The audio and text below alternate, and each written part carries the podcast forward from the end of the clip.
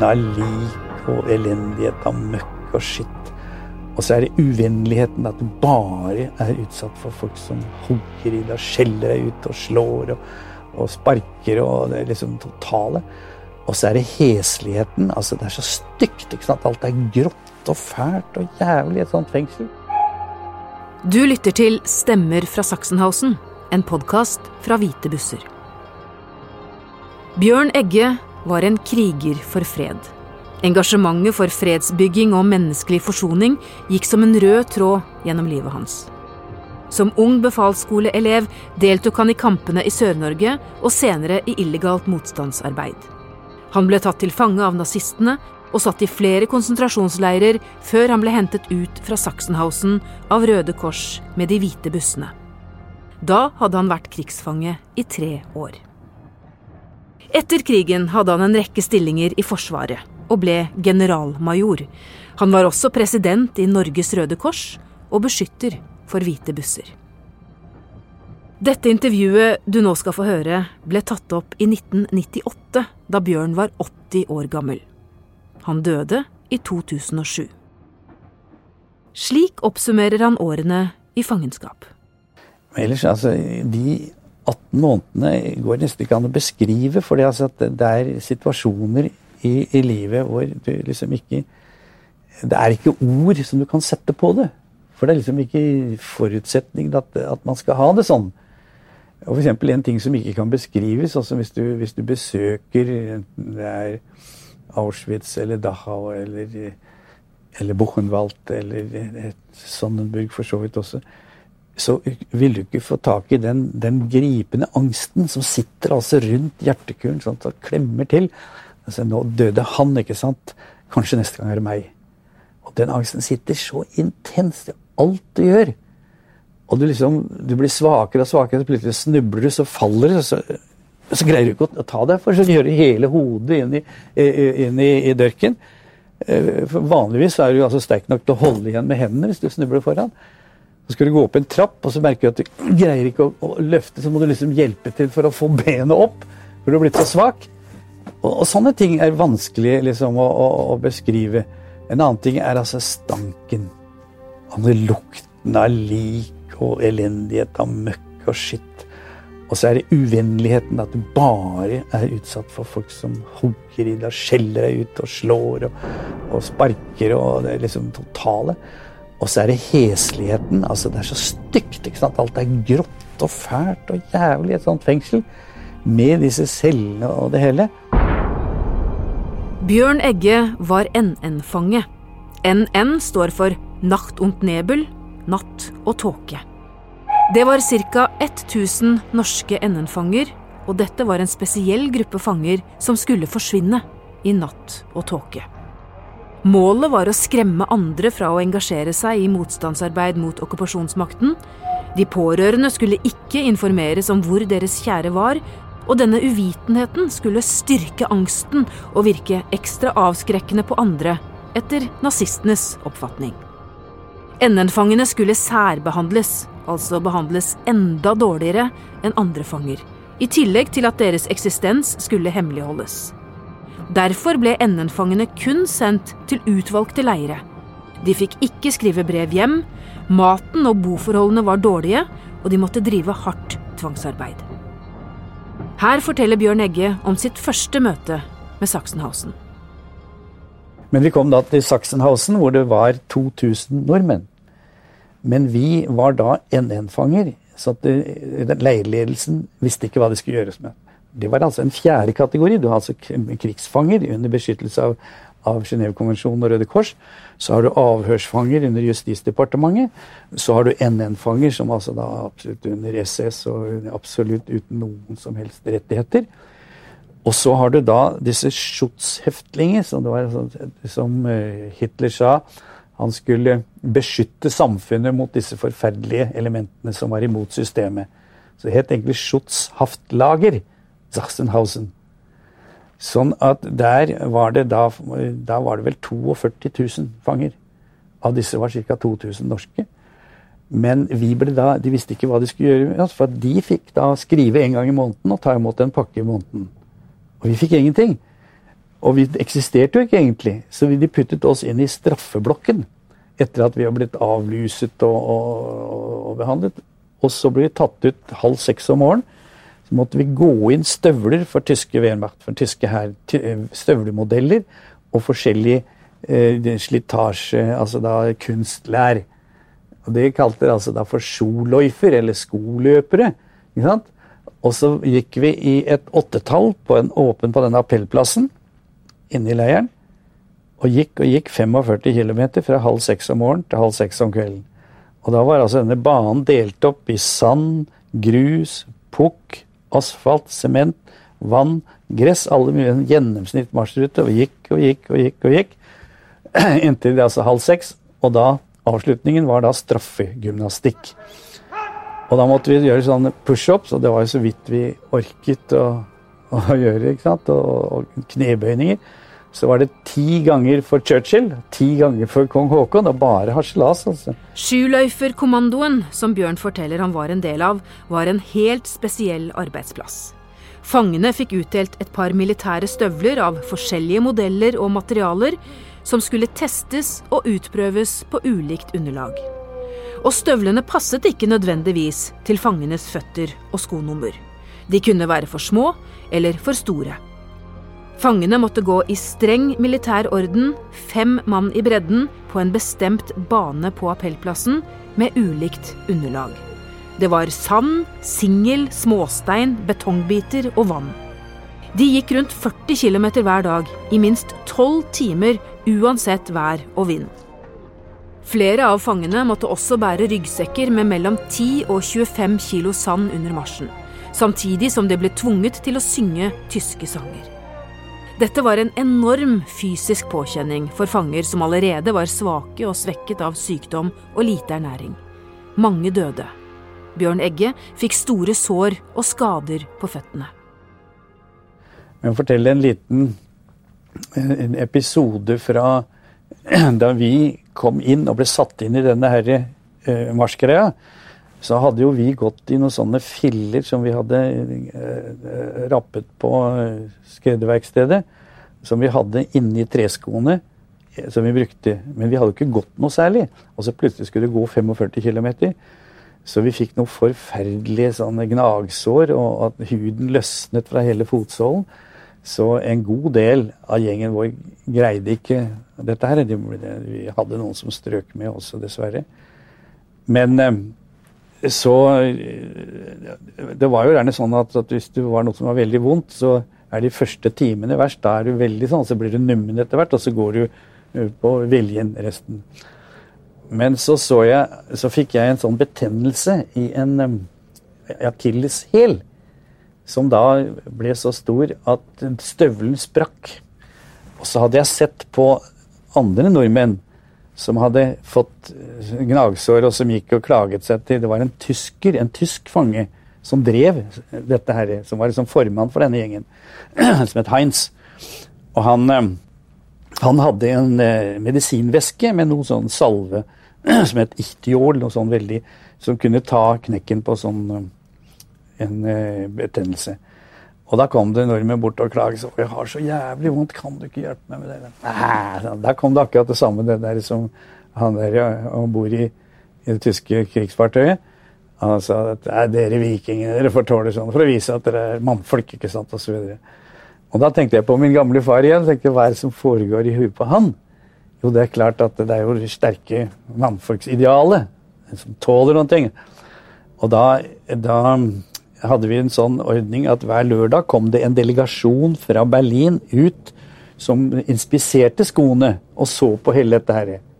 Ikke sant? Fra, fra eh, Speers ministerium, det her eh, rustningsministeriet. Da måtte vi gå oppå et bord som var kledd med sånn, med sånn eh, papir, og så sto det da professorer og generaler og og eksperter da på dette med forstørrelsesglass da kikket på forskjellige. Og da, da tenkte jeg altså at da vil det bli vanskelig for meg hvis jeg hadde da sprengt altså sømmen. Så da tok jeg mot til meg en kveld og så gikk jeg bort og så sa jeg, du Heinz, nå må du hjelpe meg, jeg har et problem. jeg har så veldig Denne modellen her er en veldig fin modell. Men jeg er redd for at jeg kommer til å bli tatt for sabotasje, fordi at nå er det blitt sprekk Sømmen er gått her. Og sa men jøsse du har jo en, en, en syndung. En, en, nei, men se på støvlene, da, sa jeg. Ikke sant? Så på støvlene. Dette er det fine paret. Det ødelegger. Jeg lurer på hva jeg kan gjøre med det.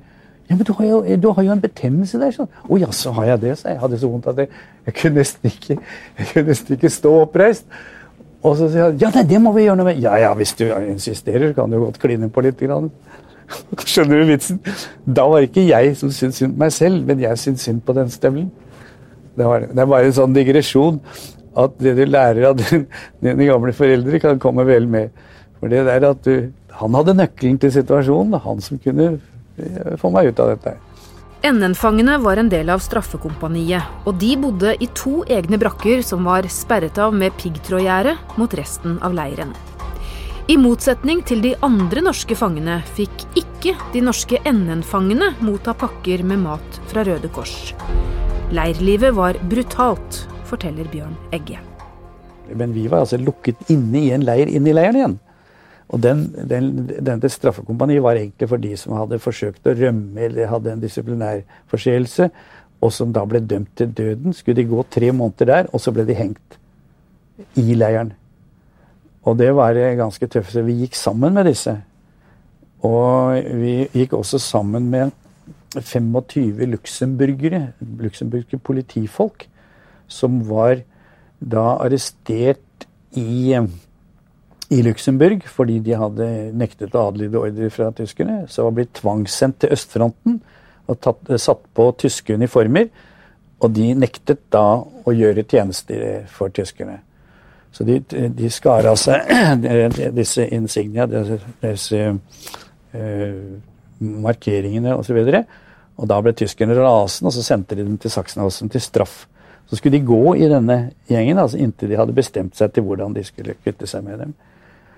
Og det var også da fem engelske eh, marinefolk som var tatt i Norge, og som var sendt dit. Og da natten mellom 1. og 2. februar 1945 kom plutselig så rysket de opp døren. Og Da lå vi altså i denne brakka, da var jo leiren overfylt, så vi lå tre mann i hver, i hver køy. I tre lag høyden. Og plutselig så begynner de å rope opp alle luxemburgerne. Og han jeg lå ved siden av, som het Jean, som var veldig kjekk ut, som viste at vi hadde vært i speiderleir sammen før krigen. I sånn verdens chamboré, og var ja, veldig gode venner. Så han ble ropt opp, og engelskmennene ble ropt opp, og så ble de tatt ut og skutt om natta. Og det var en ganske tøff opplevelse, altså. For det var gutter som vi hadde vært sammen med ikke sant? daglig, og som kjente godt, osv. Og, så det var eh, Det var, det var tøffe, tøffe greier. Så husker jeg også var en polakk vi gikk sammen med. Så var det hans tur til å bli hengt. Og så satt vi da om kvelden, eller eh, før han skulle eh, tas ut, da. Så fikk han én røyk og så et ekstra stykke brød og så. Og så ble han tatt ut. Og da sto hele, alle leirens fanger oppstilt. Og så ble han da, da denne galgen var altså rigget opp foran vakttårnet. Og så, han, så, måtte han stå på en sånn planke, og den som sparket den planken under han, så at han ble dinglende, ikke sant, det var en fange også. Altså, tyskerne brukte fanger til å utføre straffene. Det var også en del av systemet. Men i hvert fall da kunne vi da se at han sprellet en stund, og ikke før han var helt rolig, så fikk man gå tilbake på brakkene. Det var noen sånne eh, opplevelser som du har. Siden januar 1945 hadde den svenske greven Folke Bernadotte, som var leder av Svensk Røde Kors og diplomat, og SS Reichführer Heinrich Himmler forhandlet om å frigi de norske og danske fangene som satt i konsentrasjonsleirer. Og 21.2.1945 ble de enige om at det svenske Røde Kors skulle få tillatelse til å hente ut danskene og nordmennene fra ulike leire og fengsler i Tyskland, og bringe dem til konsentrasjonsleiren Neuengamme nord for Hamburg. På rekordtid ble 70 kjøretøyer klargjort, malt hvite og utstyrt med Røde Kors-tegn. Men så kom det da en dag en sånt rykte om at hvite bussene var på, var på vei, og vi trodde jo ikke noe på det. Det var sånn, det er sånne drømmer som man har ikke tale om. Men så sannelig så greide de så kom de frem, og den, de fleste ble da tatt ut. Men de ville ikke ha med NN-fangen, og de sa at de eksisterer ikke. Så de reiste uten oss. Og det var ganske tøft. Men eh, Bernadotte, grev Bernadotte han ga seg ikke. Han samlet inn navnene og dro tilbake og forlangte oss utlevert. Og da ga tyskerne seg på det, og da, da ble vi også reddet. Men jeg husker at det var så uvirkelig, så jeg husker vi fikk en sånn Røde Kors-pakke på fanget. Og så tenkte jeg nei, dette her må være noe lureri. Jeg turte ikke å spise engang, så jeg så på de andre vel. Så var først da jeg så de som begynte å spise, så, så turte jeg. Men så kom vi da til en annen leir. Dette har du sikkert hørt også fra andre. Vi kom til Neuengamme, som var en verre leir enn Sachsenhausen. I Sachsenhausen var det sånn noenlunde De holdt altså da sykdommen i sjakk, men der hadde de nesten gitt opp. Så det lå altså lik i brakkeveggene, og det var heller var en, en hel en hel sånn brakkebygning som da var så infisert av all mulig slags bakterier og sånn. Det er altså en lang historie. Men eh, i hvert fall var det sånn at, at Røde Kors slapp ikke inn i leiren. Så jeg trodde at vi var blitt lurt. Men etter en uke da, så greide Bernadotte å komme inn. Og, og sånn, og så, så, ble vi da etter hvert eh, Vi kom til, til eh, eh Sverige. Og husker den turen gjennom Danmark. Det var jo reneste triumftoget. Fantastisk. Det var ikke rene 17. mai. Men så kom vi altså over til, til Sverige. Og der ble lagt inn da, i karantene på Ramløsa brunn. Og da ble vi jo da fullstendig avluset og renset. ikke sant? Måtte gi fra oss alle ting osv. Og, så og så ble vi da kjørt ut og fikk en sånne svære, lange underbukser på oss sånne lange kalsonger, som det heter. Hva heter det militære? Etter, etter underbergklær lang vinter, ikke sant? Og, så, og da vi da kom ut i neste rom, da, så sto det, sto det unge sykepleiere som sa 'åpna kalsongene', og så pumpet de sånn DDT-lusepulver nedi buksene på oss. For å være helt sikker. Og det var jo en forferdelig opplevelse etter alt dette. Men eh, det var i hvert fall en, en, god slutt på det hele. Og derfor så er jo jeg veldig opptatt av Røde Kors. Ikke sant? Det var jo de som reddet livet vårt. Vi hadde ikke overlevet ikke, hvis ikke For det var gått ut en, en, en, dekret, altså en befaling fra Hitler, at alle NN-fangene skulle, skulle, skytes. Og det var det som foregikk med resten av de som var igjen i, det, i Sonnenburg Tukthus. De ble skutt i løpet av en natt. Det, det, som du summerer opp med alt dette, er jo det at, at det er jo fantastisk at vi har uavhengige frivillige organisasjoner som da kan stå på, og at det nytter. Det har altså da denne Røde Kors-ekspedisjonen vist. At det nytter hvis du virkelig vil gjøre noen ting. Og at du da er på ofrenes side. Du er ikke politisk engasjert den ene eller den andre, men det er på ofrenes side og minner da myndighetene om hvilket ansvar de har i forhold til menneskerettighetene osv. Dette er en veldig viktig ting. En annen ting som jeg har lært av dette her også, er jo det at man har ofte litt, eh, litt sånn ovenfra nedholdning overfor naive personer. Men i virkeligheten så var jo Bernadotte, grev Folke Bernadotte var jo en naiv person som, som på mange måter trodde på ting som andre ikke trodde på osv. Og han ble jo advart mot å, å, kontakte Himmler. Og da sa han bare det at jeg skal forhandle med djevelen hvis jeg kan redde menneskeliv. Og det greide han altså da. Og det, var jo 27 000 mennesker som ble reddet. Det var ikke bare de eh, 2000 nordmennene og i, eh, i, konsentrasjonsleir og alle de som satt i tukthus osv., men også dansker. Og så etter hvert så fikk de altså da kvinnene fra Ravensbrück og tsjekkiske og polske og rumenske, ungarske, som da ble reddet til, til, Sverige. Så jeg er veldig opptatt av dette, og da jeg ble spurt om å, å bli stille som president til eh, Røde Kors i 1981, så syns jeg det var en forpliktelse jeg hadde for å betale tilbake min takknemlighetsgjeld. Da var jeg seks år i, i, i den stillingen. Men det er i det hele tatt dette med de frivillige organisasjonene det er jo noe som nå er på fremmarsj, og det viser at det går an å mobilisere altså da eh, mennesker for en sak. Selv om ikke myndigheten til å begynne med er med på dette her, så kan du tvinge det frem. Så jeg anbefaler ungdommen å, å være med i disse organisasjonene. Da kan de altså da få følelsen av at de er med på og virker i riktig retning. Men jeg er redd for fremveksten av, av eh, nazi, eh, nazismen igjen. At vi må ikke ta lett på det der, for det fenger så lett. Altså når, med en gang de begynner å bruke vold, så blir menneskene redde. Og når de er redde, så tør de ikke si sin mening. Og da greier du ikke å, å, å holde styring på det. Det var sånn det begynte i, i Tyskland. Vold, tortur, drap, frykt, redsel, tapte ungdomsår. Hva gjør fangenskap i en konsentrasjonsleir med et menneske? Du kan si på en måte rent personlig så var det jo mange år at angsten satte inn. Jeg var helt overbevist om at krigen ville fortsette. og bare en liten opphold. Og det andre ting var altså, at du hadde en fantastisk hang til å, til å, til å vaske deg. Og når jeg var ute og, og, og, kjørte, så kom til et vann, så måtte jeg uti. Jeg måtte ut og svømme.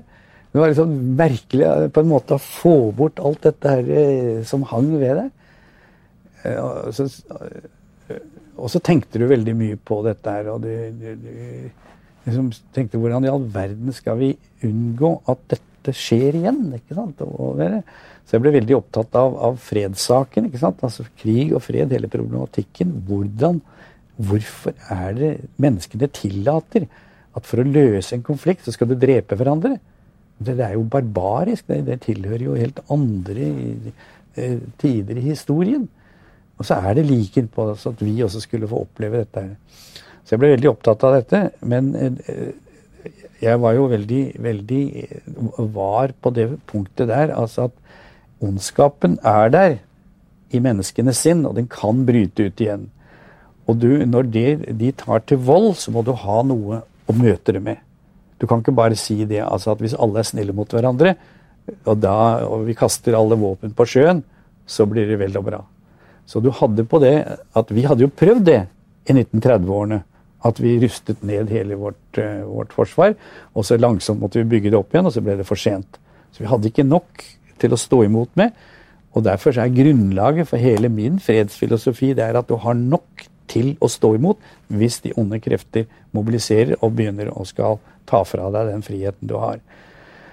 Men så er spørsmålet at selve dette, dette instrumentet som da man er så imot, altså pasifistene, de totalpasifistene, sier at bli ferdig med, med alle militære og generaler og, og, sånne forferdelige folk, de må kutte seg med, og alle våpen må kastes på sjøen. Ja, det er vel og bra hvis du fikk til det.